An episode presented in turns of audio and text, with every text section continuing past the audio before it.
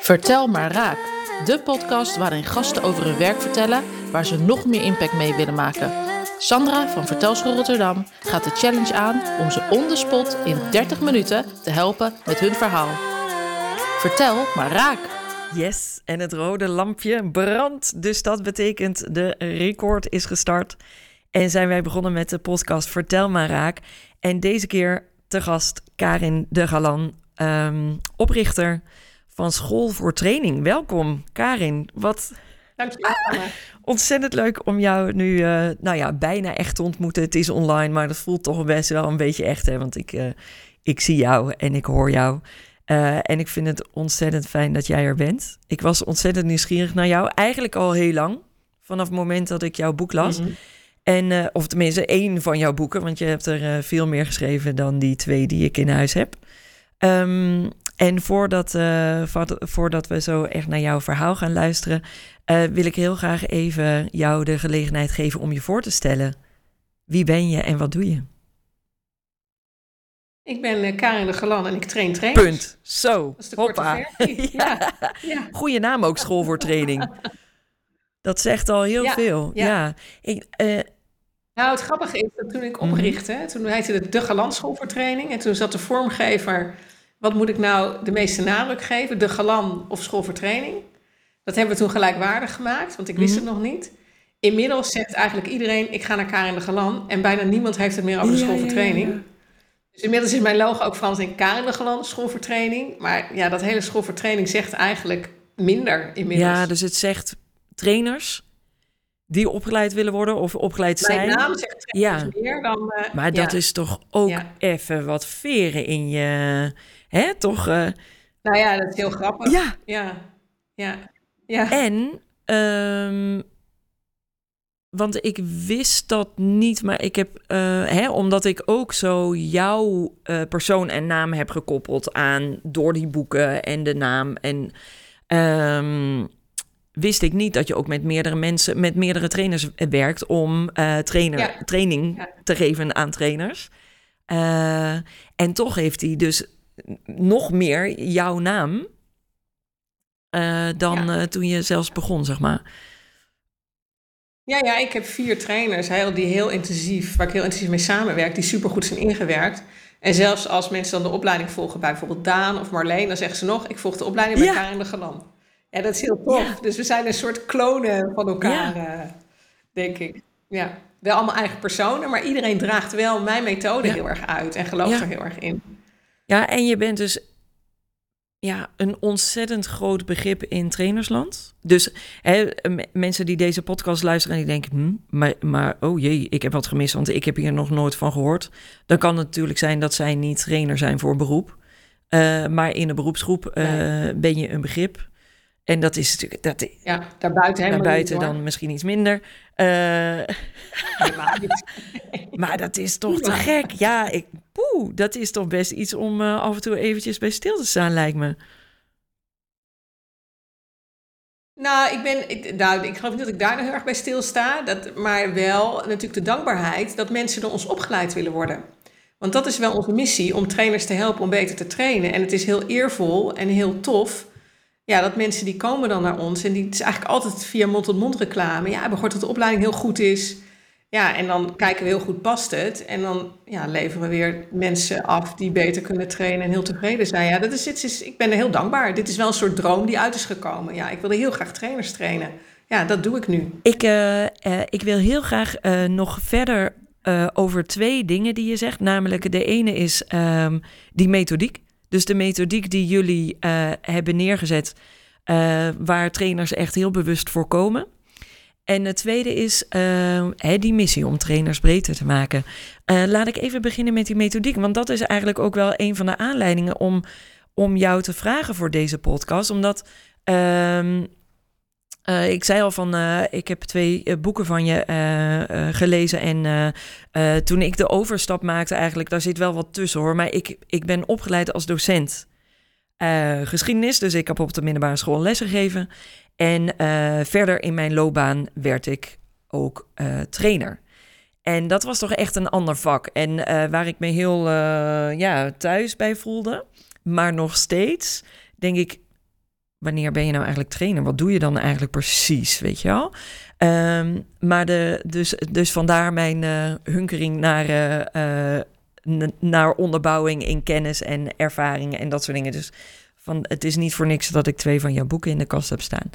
Um, en de tweede reden eigenlijk om jou te vragen was dat ik ooit van jou had meegekregen, volgens mij via LinkedIn, dat jij een in mijn ogen redelijk drastische keuze hebt gemaakt om af te stappen van een model waar je wel mee begonnen bent en daar eigenlijk ook een heel deel van je opbouw van je trainingen en de methodiek die je over wilde brengen.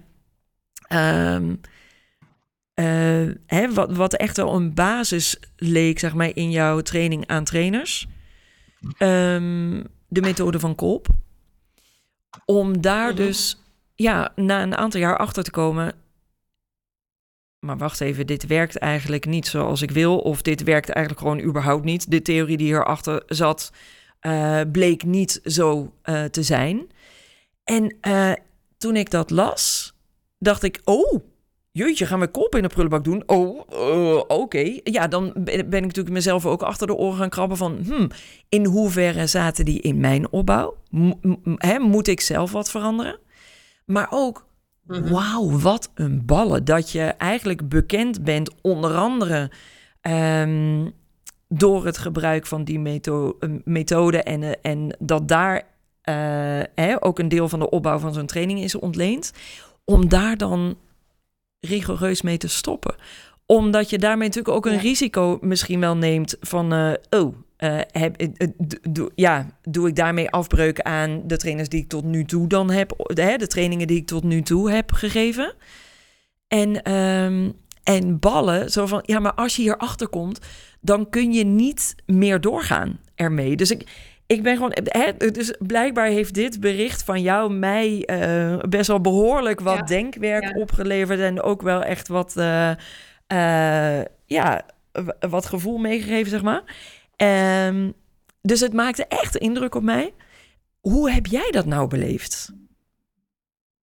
Ja, en ik vond het wel leuk, omdat ik eigenlijk al in 2007 afscheid heb genomen. Best een tijdje geleden dus. Maar jij dat nu pas, ja, ja, ja, dus dat is heel grappig. Maar jij dat nu pas eigenlijk aan mij voorlegt. Ik denk, ja, dus er zijn waarschijnlijk heel veel trainers die nog met kolp trainen.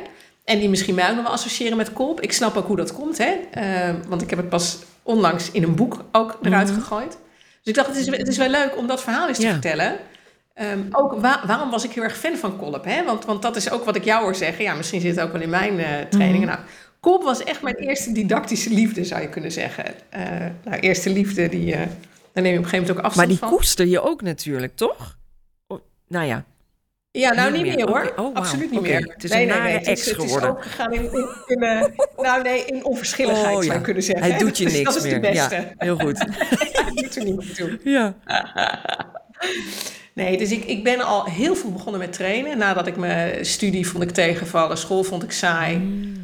En toen op een gegeven moment ben ik in een soort ervaringsplek gaan trainen. Dat vond ik helemaal fantastisch. Om met, groepen om te gaan, ze wat te leren.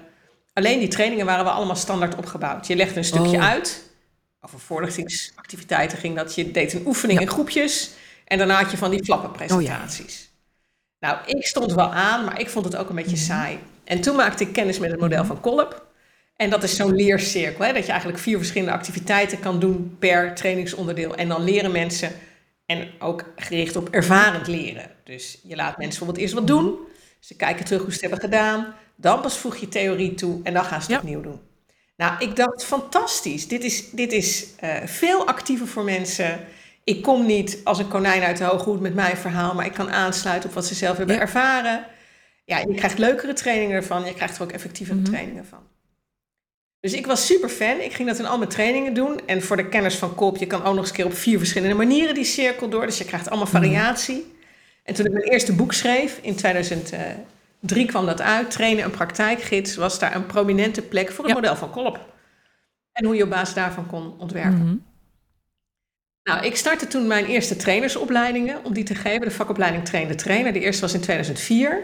En Kolp was daar de kapstok voor het ontwerpen. En daar merkte ik al, dit gaat niet goed. Ah. Mensen kunnen niet goed ontwerpen met kolp. En ik zag het ook in de praktijk, bij bijvoorbeeld draaiboeken van trainingsbureaus. Het leidt ertoe, eigenlijk twee dingen zijn er niet handig aan. Het leidt ertoe dat je, dat je vanuit de werkvormen gaat Oh ja. ontwerpen. Oh, we moeten ervaring opdoen. Nou, dan heb je een training, bijvoorbeeld hoe je een grens kan stellen als iemand iets aan je vraagt wat je niet Mhm. wil doen. En dan gaan we op elkaar aflopen en dan moet je ho zeggen, wanneer het te veel is. Dan heb je een grens Mhm. gesteld. Maar dat heeft inhoudelijk heel weinig link met hoe zeg je nee als je schoonmoeder je vraagt of je zin hebt in Ja, een weekendje gewoon weg. ho. nee, Dus je krijgt zeg maar, hè? Ik zei, ik zei, je? gewoon ho. Ja, ja, ja, precies. Maar dat, precies, dan, maar dat werkt natuurlijk niet, hè?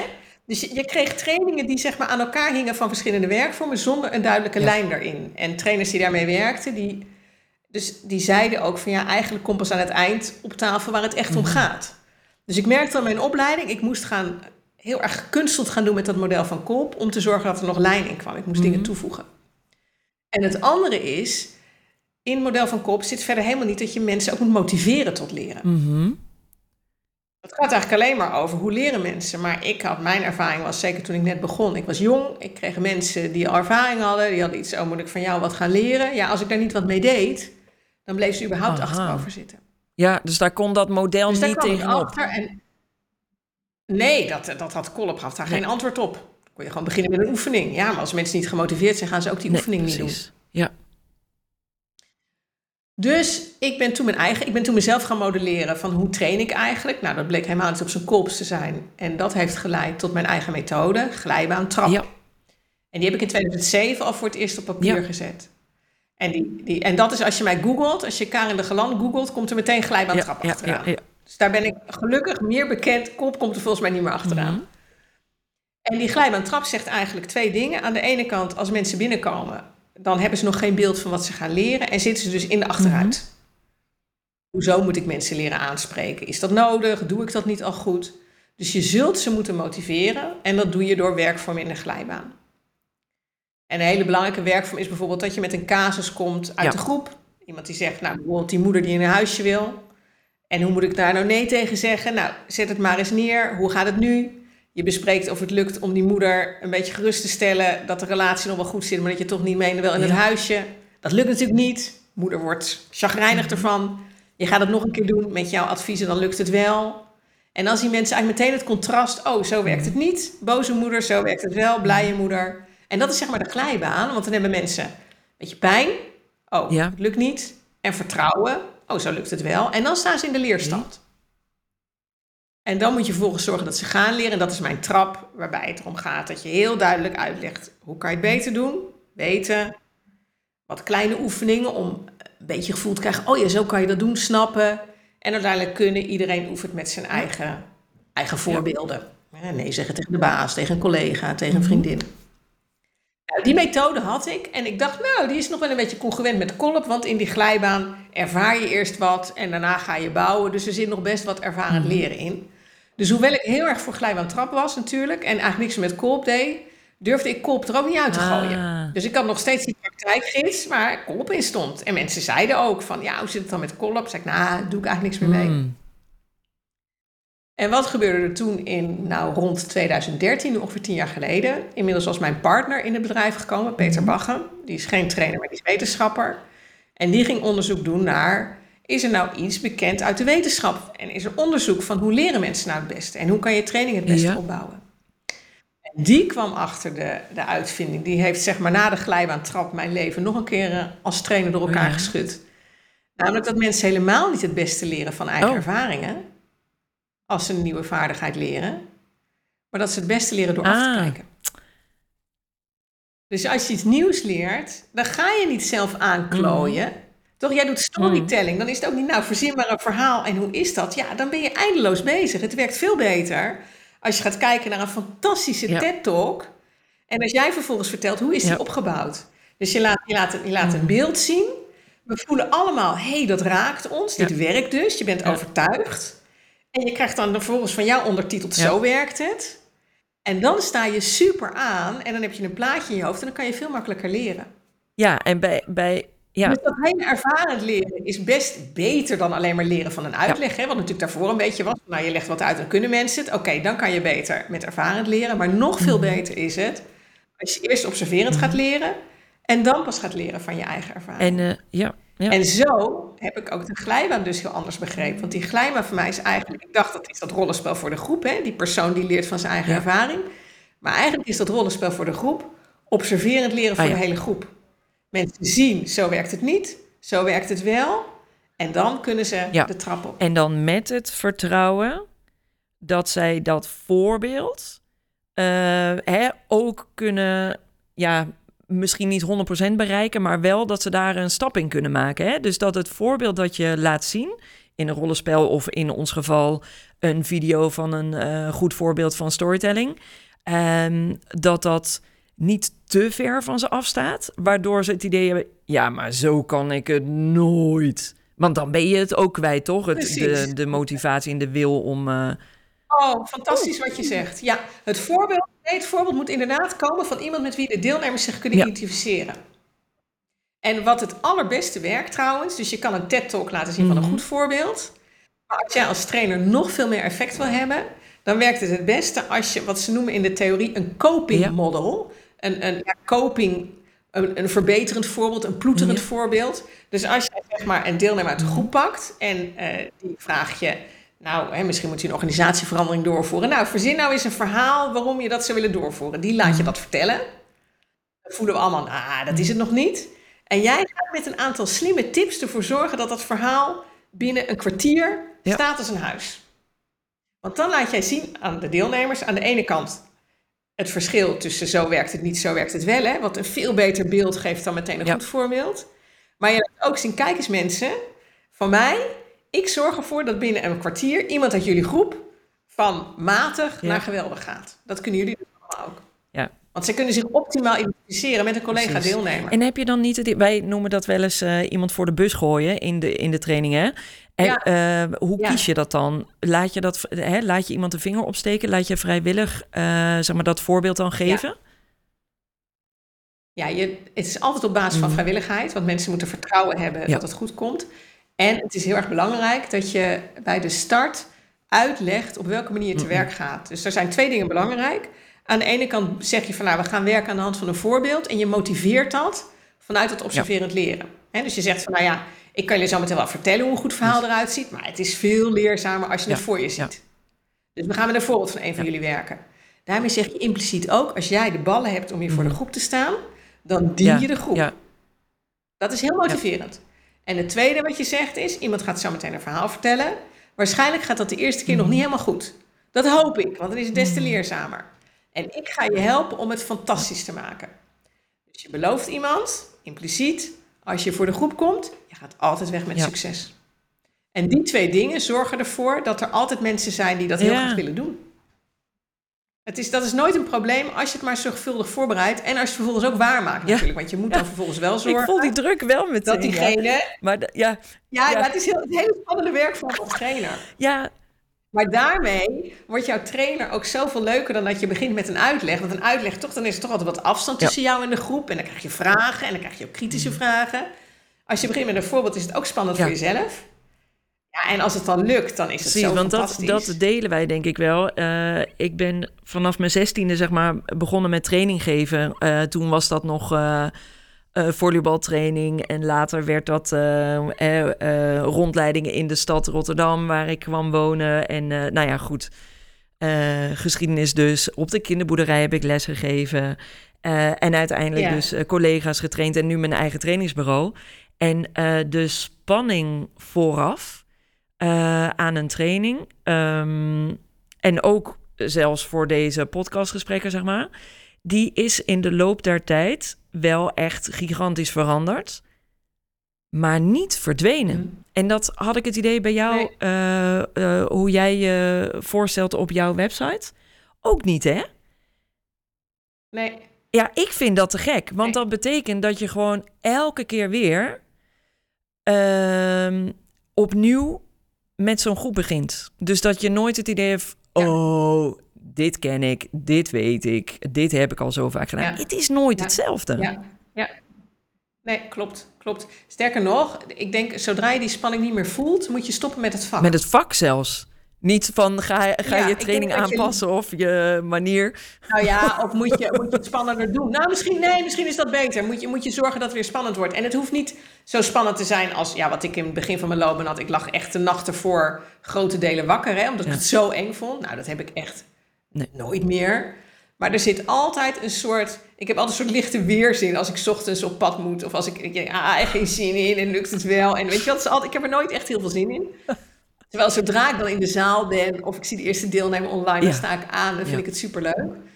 Eh, je- moet namelijk, ik noem dat altijd de Karin 2.0. Ik ben niet helemaal mijn gewone ontspannen zelf. Je moet met net iets meer energie, aandacht, rottige dingen uit je privéleven moeten naar de Mhm. achterkant. Eh, Je moet je, je professionaliteit, je liefde voor de deelnemers aanzetten. Ja, dat Ja. kost energie. En bij elke flow is het zo, dat is die Chimijandiali of zo, die daar... Wil je in de flow komen, er zit altijd zo'n hobbel dat je er eigenlijk geen zin in hebt. Dus dat hoort er echt bij. Ik dacht het ook hoor vroeger. Ik dacht vroeger kwam ik altijd een uur van tevoren in de zaal. Dacht, nou, als ik helemaal ervaren ben, dan kom ik tien minuten van tevoren ja. binnenlopen. Nou, mijn collega's en ik, we zijn altijd een uur van tevoren om het, om het goed voor te bereiden. En, eh, Dat is zo fijn om ook gewoon eventjes, eh, ja, of je het online doet of eh, in een zaal, maar dat je echt even feeling krijgt met de omgeving ook en je spulletjes kan klaarleggen en inderdaad de deelnemers Ja. een beetje kan peilen van een afstandje als ze al binnen kunnen drup- komen druppelen. Ja, je moet Ja. intunen. Hè? Maar ik realiseer me, ik moet nog even één Oh, ding afmaken van Ja. mijn verhaal van net. Wat jij zei van, ik ben er tu- nu pas achter gekomen dat jij met Ja. kolop stopte. Hè? Eh, en dat komt omdat ik dus eindelijk, dus na die ontdekking van de wetenschap, toen voelde ik me sterk genoeg, had ik genoeg bewijs om kolop ook uit de praktijkgids te Ja. gooien. Dus er is een nieuwe editie van Trainen en Praktijkgids, mijn Ah, eerste boek slim. uitgekomen, Ja. vorig jaar, 2021. En daarin heb ik kolop vervangen door de evidence-based methode kort te omschrijven. Vier stappen, die zijn gebaseerd op observerend leren. En daar staat bijvoorbeeld ook een extra hoofdstuk in over hoe kan je nou een demonstratie geven. Dat is ook zo oh, belangrijk. wat tof. En inmiddels zijn we bezig, Peter en ik, om ook dat observerend leren, die methode en de hele wetenschappelijke onderbouwing, om dat ook echt in een boek vorm te geven. Dus als het goed is, komt dat dit jaar nog uit met allerlei evidence-based interventies, waar je training meteen, ja, waardoor je gewoon echt veel meer resultaat krijgt. En dat ook weer te koppelen aan mijn glijbaantrap aan het eind voor de mensen die daarmee werken. Want heeft mijn eigen methode ook echt, echt verbeterd. Ja, dus wa- wat jij deed, heb je eigenlijk eh, laten onderzoeken van, eh, hè, is dit ook de wetenschappelijke inhoud die dit eh, staaft? En dat is zo gebleken en Ja. het is een aanvulling eh, of, een, of een bevestiging of, of beiden. Het is een, eh, een verandering geweest in hoe ik de glijbaan Mhm. zie. Dus ik, heb, ik snap nu pas echt de glijbaan. Dat is geen ervarend leren, maar Ja. observerend leren. Nou, dat betekent van alles voor je begeleiding. Ja. En er is ook een heel deel bevestigd. Ja. En het heeft nog weer aangevuld wat je na de trap kan doen om te zorgen voor blijvend Nou, resultaat. dus het is, het is van alles. Dat zeg is ook echt. ehm, eh, want ik heb natuurlijk ook nog een dingetje hangen, eh, eh, namelijk van wat is, wat, hè, eh, waarom wil je zo graag trainers trainen? Ehm, maar dit is ook echt een ding wat ik graag uit jouw mond wil horen. Ehm, want ik heb wel eens iemand horen uitspreken van. ja, wij, let op, wij zijn geen trainingsbureau, hè? Wij geven geen trainingen, hè? Want aan trainingen heb je helemaal niks. Hè? Dat is leuk voor de training Mm. zelf, maar daarna ben je het eigenlijk Ja. altijd weer kwijt. En dat is toch altijd wel een heikel punt, want ik zie ook wel echt het verschil van de, eh, de bevlogenheid, de, de, de commitment, het commitment, zeg maar, ehm, in de training. En Mhm. dan daarna weer in, het in de Ja. praktijk van alle dag. Of het nou een eenmalige training is geweest of een cyclus van meerdere sessies. Dat verschil, Ja, dat zie ik echt wel. Dus ja, wat is er nou hè? voor nodig om dat resultaat echt in de praktijk te Ja. laten beklijven? Nou ja, ik herken het is heel Ja, pijnlijk. heel hè? pijnlijk. Het is heel pijnlijk. Dan heb je getraind en dan eh, kom je een jaar later terug en dan hebben ze er gewoon nooit meer wat mee gedaan. Ja, ja. Nou, dat weten we inmiddels heel goed uit onderzoek. Dat is heel tof. Dus eh, om het ook echt in de praktijk te kunnen brengen, heb je eigenlijk twee dingen nodig. Aan de ene kant moet je het echt wel een beetje kunnen. Maar je moet vooral ook het vertrouwen hebben dat je het kan. Nou, dat beetje kunnen, als je een training hebt die goed in elkaar is gezet volgens dat observerend leren of volgens mijn glijbaan trap, dan kunnen deelnemers aan het eind van de training het, het al ongeveer een beetje. Niet fantastisch, maar goed genoeg om het in de praktijk uit te proberen. Maar wat blijkt nou uit onderzoek? Hun vertrouwen in eigen kunnen is nog heel laag. Dus ik zal als voorbeeld geven dat wij bijvoorbeeld mensen leren om rollenspellen te begeleiden die dat nog nooit hebben gedaan. Hè. Die werken altijd met groepen en dan bespreken Oh ja. ze cases, maar ze laten het nooit eens een keer voor de groep uitproberen. Nou, dan leren wij ze dat. Na een dag kunnen ze het echt wel aardig. Maar ze denken natuurlijk dat ze, ze vinden het doodeng om het te gaan doen. Dus gaan ze, laat je ze aan hun lot over, dan durven ze het gewoon niet, omdat het spannend is. Dus wat je altijd nodig hebt na een training, is dat je mensen stimuleert, aardig gezegd, dwingt, om het echt in de praktijk te gaan doen. Om het zelfstandig te doen, Precies, zonder dat jij ja. erbij bent. En dat ook weer na te bespreken. Ah, Dus wij maken opnames. Wij laten, we hebben nu net in een supervisietraject. Dan hebben mensen een dag lang geleerd hoe ze rollenspellen moeten begeleiden. Ze gaan het doen en ze mogen het in de echte praktijk doen. Ze mogen het ook samen met collega's eerst doen. Als jij er maar niet meer bij bent als vangnet, want dan hebben ze het gevoel, ik doe het alleen. Ze maken een opname, ze reflecteren op wat ze hebben gedaan aan de hand van wat ze hebben geleerd en bespreken dat nog met de trainer. ja, En wat je dan ziet is echt wel verbluffend. Aan de ene kant, de grote lijnen kunnen Ja. ze al. De details kunnen ze heel vaak nog niet. Dus het is ook zo dat op het moment dat ze dan de praktijk in zouden gaan, slaan ze ook de plank nog mis en krijgen ze een faalervaring. Terwijl als jij er nog bij bent om ze te helpen, kan je nog een beetje fine-tunen. Gaan ze het beter doen, krijgen ze meer vertrouwen. Is de kans groot dat ze daadwerkelijk gaan doen. fijn. Dank, want dit is wel echt een... Ja, eh, Ja, herken ja, ja, en ik, ik, her- ik eh, zie ook nu wat er dus in, ons, eh, in onze opbouw dan nog mist. Want ehm, we hebben één keer de fout gemaakt om niet zo'n terugkoppeling zeg maar, te organiseren. Want ja, verhalen vertellen, dat doet iedereen. Dus eigenlijk het enige wat je even moet leren is dat je het ook op je werk doet. Hè? Ja, Ja, ja. maar dat Ja. blijkt dus niet zo simpel als gedacht. zeg Maar. En dat vind ik nu ook echt heel logisch. Maar dat vond ik in het begin niet logisch, snap je? Dus dat heb ik heel snel gelukkig kunnen herkennen. En daar, eh, Nou ja, en volgens mij geldt dat voor heel veel trainers. Dat je je eigen deskundigheid, je eigen impact gewoon onderschat. Dat je denkt, ja, ik vind het makkelijk, dus ze gaan het wel doen. Dat is heel mooi Ja. wat jij zegt. Ja, verhalen vertellen Ja. kan iedereen wel, maar je hebt natuurlijk gewoon een vak. ja, En ehm, dus wat we hebben gedaan is eigenlijk, we komen nu altijd terug. We komen gewoon altijd terug. Maar dan niet zo intensief als jij het benoemt. Dus wij komen terug om ze de gelegenheid te geven om weer met diezelfde groep bij elkaar te komen. Ja, En dan uit ja. te wisselen van, nou, wat hebben we in deze weken tot maanden, zeg maar, in de praktijk nu zelf meegemaakt? Hebben we het gedaan? Of zijn we in de oude groef beland? ja, Eh, wat zijn de tips en tops die we kunnen uitwisselen? Want dat is, je wil elkaar de gelegenheid geven om eh, te voeden. Eh, en om weer even heel bewust, oh ja, wat vertel ik nu eigenlijk echt? Weet je wel, deed ik het verhaal wat ik toen had Mhm. gemaakt, of, of eh, heb ik het dat toch weer een beetje overboord gegooid?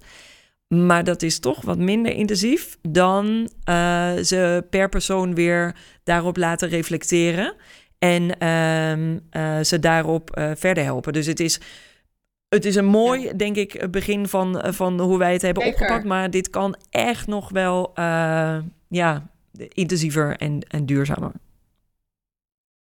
ja, ja, duurzaam. Ja, en, en daarmee wordt het dus ook duurder voor de opdrachtgever en de deelnemers. Duurder. Duurder. Het wordt duurzamer, maar Ja. ook duurder. Want die individuele Ja. aandacht die je geeft aan deelnemers, dat, is- dat kost klauwenvol Ja. met geld. Want individuele supervisie, dat is echt het meest intensieve wat je kan bieden aan een deelnemer. Ja, je kan pak een beet een trainingsdag geven voor Mhm. twaalf mensen. En, je, en dat kost dan een dag met wat voorbereiding. Maar je kan ook, nou laten we zeggen, zes mensen supervisie geven op een dag. Ja, dat is dus net zo duur. Dus, dus voor opdrachtgevers en voor deelnemers Ja, kost het Ja, serieus precies. geld. Ja. Maar, dan, maar pas dan krijg je echt resultaat. Als je dat niet doet, is het eigenlijk weggegooid geld. Het lijkt goedkoop en dan toch lekker veel leren, maar uiteindelijk werkt het eigenlijk niet. nou die neem. Dus, ja. dus het, en het, het is een dilemma. Ja, precies. Nee, Ja. maar dat, ja, dat klopt. Het is dus een dilemma van eh, in hoeverre ga je dus mee met de wens van de opdrachtgever om het eh, quick and dirty te doen en te hopen dat het beklijft. Precies. En in hoeverre sta je op je strepen om te zeggen, maar ja, maar zo heb je er niks aan. Dus dan ga ik liever naar een andere groep Precies. waar we wel het duurzame resultaat Ja. kunnen halen. Ja, Ja. Ja, en wat ik, wat ik heel erg hoop met ons boek hè, over evidence-based trainen, is de werktitel, ik weet nog niet of het dat wordt, maar dat er, dat er wat meer besef komt bij opdrachtgevers, bij leidinggevenden, bij onderwijsinstellingen, wat is er nou nodig om mensen echt vaardigheden te leren? En vaardigheden kunnen ook cognitieve vaardigheden zijn, hè? kunnen ook in, motorische vaardigheden zijn, kunnen communicatievaardigheden mhm. zijn. Maar die, die, die, de, de, de opvatting dat trainen geen zin heeft, dat komt omdat er vaak niet op zijn handigst getraind wordt. En dan heeft het inderdaad geen zin. Ook die dag zelf, die kan je dus ook op verschillende manieren inrichten. Als je hem verkeerd inricht, als je kop nog steeds gebruikt, dan ben je echt veel minder effectief. En als je geen nazorg doet, terwijl als je het goed inricht, ben je super effectief en leren mensen echt daadwerkelijk nieuwe dingen, waar ze zelf ook heel dankbaar voor zijn. Ja, en waar de organisatie ook echt wat aan heeft. Dus ik, ik hoop dat er wat meer bewustzijn daar Nou, maar ook dus... En dat mensen dan dus ook bereid zijn ja, geld precies. Dus dat is aan de opdracht ja. uh, opdrachtgevende kant en aan de opdrachtnemende kant, wij als trainingsbureaus. Ja. Uh, ja, ik voel dan ook wel die plicht of die stimulans van jou, zeg maar, om, uh, ja. Om, om daar ook voor te gaan staan, zeg maar. Voor, ja. ja, dat zou heel tof zijn, hè? Als we dat allemaal zeggen en allemaal kunnen. Dat is uiteindelijk. ik stel mezelf als de vraag: wat zou ik nou liever willen? Hè? Dat, er, dat ik heel veel geld verdien met mijn mhm. bureau omdat iedereen door mij opgeleid wil worden. Of dat het magisch is en iedereen kan opeens wat ik mensen wil leren. En dus er komt niemand meer oh, ja. bij. Maar de trainingen zijn supergoed. Nou. En dan, dan kies ik toch voor dat laatste. Dat zou ik het allerliefste willen. Gewoon magie. En iedereen kan, kan evidence-based werken met de glijdende trap. Ja, ik zou het fantastisch vinden. Want dan krijg je hele goede trainingen en opleidingen. En heel veel resultaat. En hele gelukkige trainers. Ja, en dan... Nou, dan moet ik alsnog maar ja, precies. Wat wil je ook weer worden als je later groot was? Ja. Hey, um, tot slot, want die van hè, die drijfveer en die waarom, die straalt er vanaf, maar we hebben hem nog niet, uh, denk ik, in woorden echt gevat.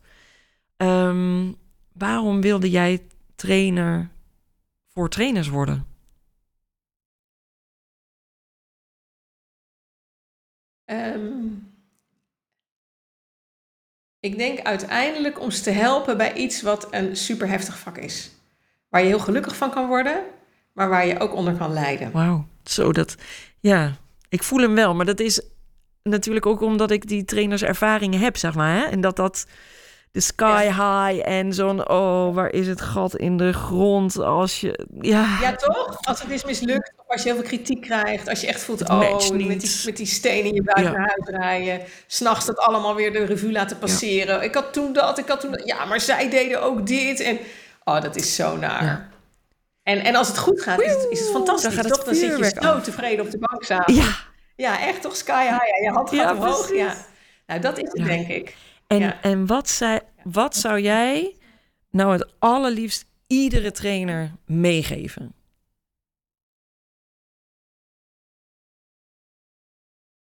Dat het de moeite waard is om je te verdiepen in het vak omdat als je het vak. Hè, dus, dus trainen doe je, ook, doe je ook een beetje met je mhm. persoon. En de mensen die, die trainer zijn geworden, die vinden het ook gewoon leuk met groepen. Je kan introvert zijn, je kan extrovert zijn, maar je doet het ook met liefde voor je deelnemers, omdat je het leuk vindt. Dus, dus je persoon is één, hè? En, en je moet gewoon willen gaan voor je groep. Nou, dat heeft elke mhm. trainer. En daarna, op het moment dat je het ambacht beter beheerst, wordt het nog zo ontzettend veel leuker, inspirerender en betrouwbaarder. Want dan weet je, ik kom er altijd wel uit. Ja. Ja, dus het is, het is de moeite waard om te investeren in het ambacht. Dankjewel. Ja, ja. Uh, ik heb natuurlijk de challenge in deze podcast om binnen een half uur, uh, nou ja, uh, iemands verhaal eh, een zwengel te geven. En ehm, ja.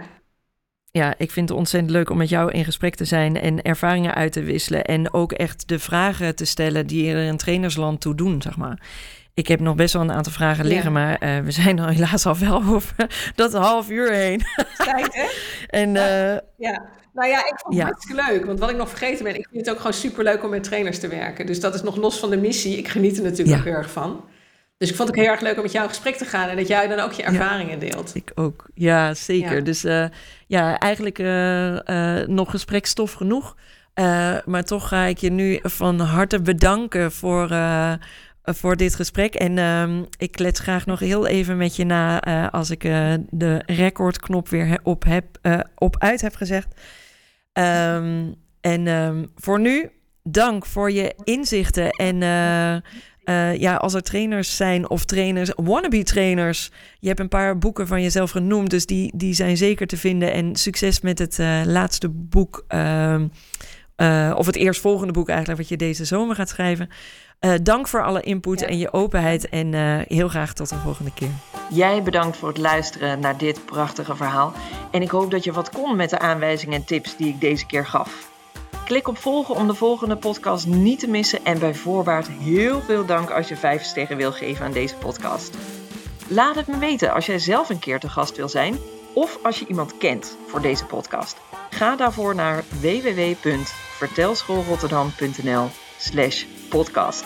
En heel graag tot het volgende verhaal met impact.